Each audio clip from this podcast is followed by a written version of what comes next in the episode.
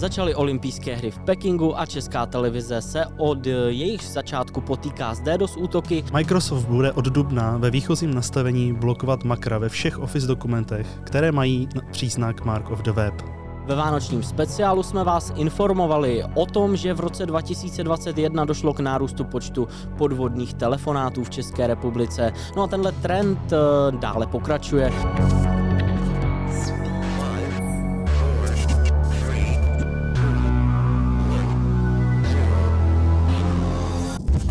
Hezký den, dámy a pánové. Mé jméno je Stanislav Novotný, se mnou je tu můj kolega Milan Habrcetl. Dobrý den. A my vás vítáme u další epizody, ale v Security Castu. Začaly olympijské hry v Pekingu a česká televize se od jejich začátku potýká s DDoS útoky, které značně omezily provoz jejich webových stránek a znemožnili spoustě uživatelům sledovat webové vysílání.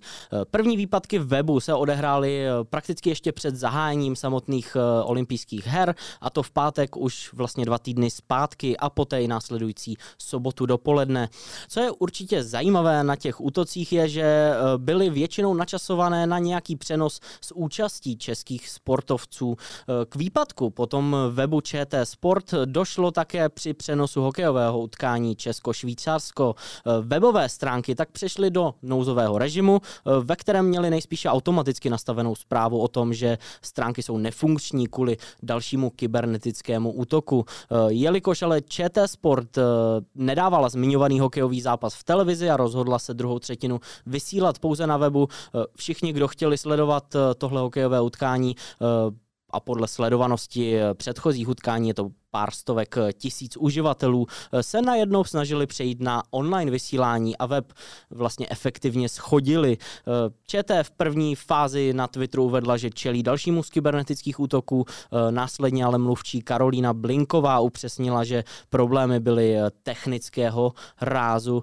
Doufejme tedy, že další podobné problémy se české televizi vyhnout. Každopádně nám tenhle případ ukazuje, jak je v dnešní době opravdu důležité mít nastavenou ochranu a to nejen nejen proti DDoS útokům, ale proti jakýmkoliv kybernetickým útokům celkově a zvláště, když jste veřejnoprávní televize.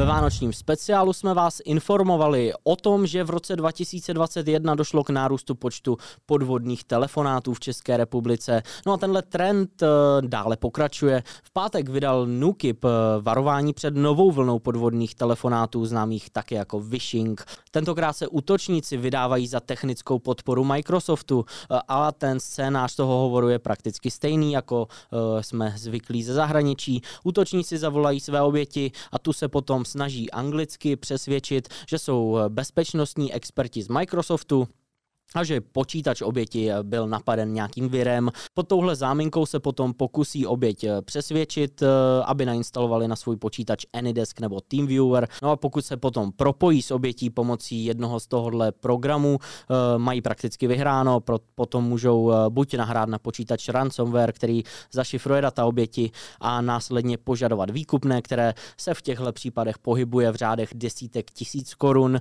anebo se od oběti pokusí získat třeba třeba přihlašovací údaje k internetovému bankovnictví. Je tedy dobré myslet na to, že tyhle útoky existují a že jsou na vzestupu a informovat o nich třeba i uživatele ve vašich organizacích. Microsoft bude od dubna ve výchozím nastavení blokovat makra ve všech Office dokumentech, které mají příznak Mark of the Web.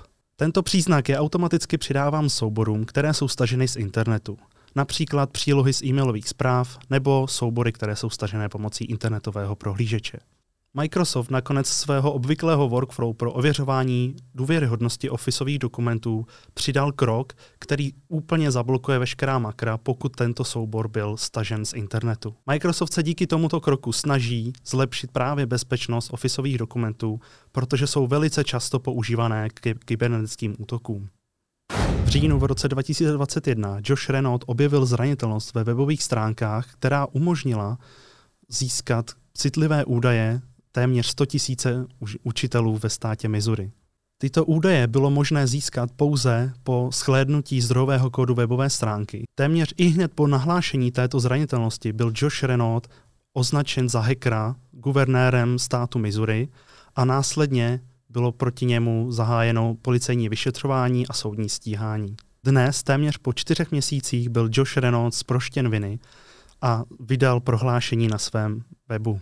Znamená to tedy, že pokud budete ve státě Missouri a stisknete klávesu F12, nebudete trestně stíháni. Nukib vydal svůj report kybernetické incidenty pohledem Nukibu za leden roku 2022.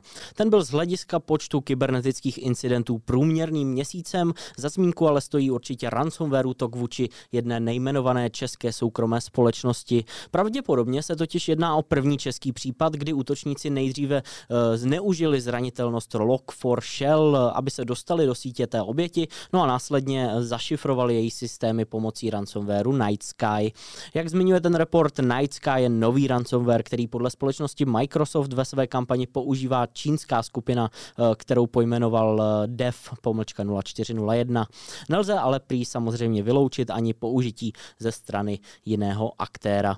Pokud máte zájem si přečíst ten report celý, já osobně to určitě eh, můžu doporučit, tak odkaz na něj vám dám do popisku videa. Minulý týden zveřejnili agentury pro kybernetickou bezpečnost ze Spojených eh, států, Spojeného království a Austrálie společné varování před eh, celosvětově rostoucí eh, globální hrozbou ransomwareu v roce 2021.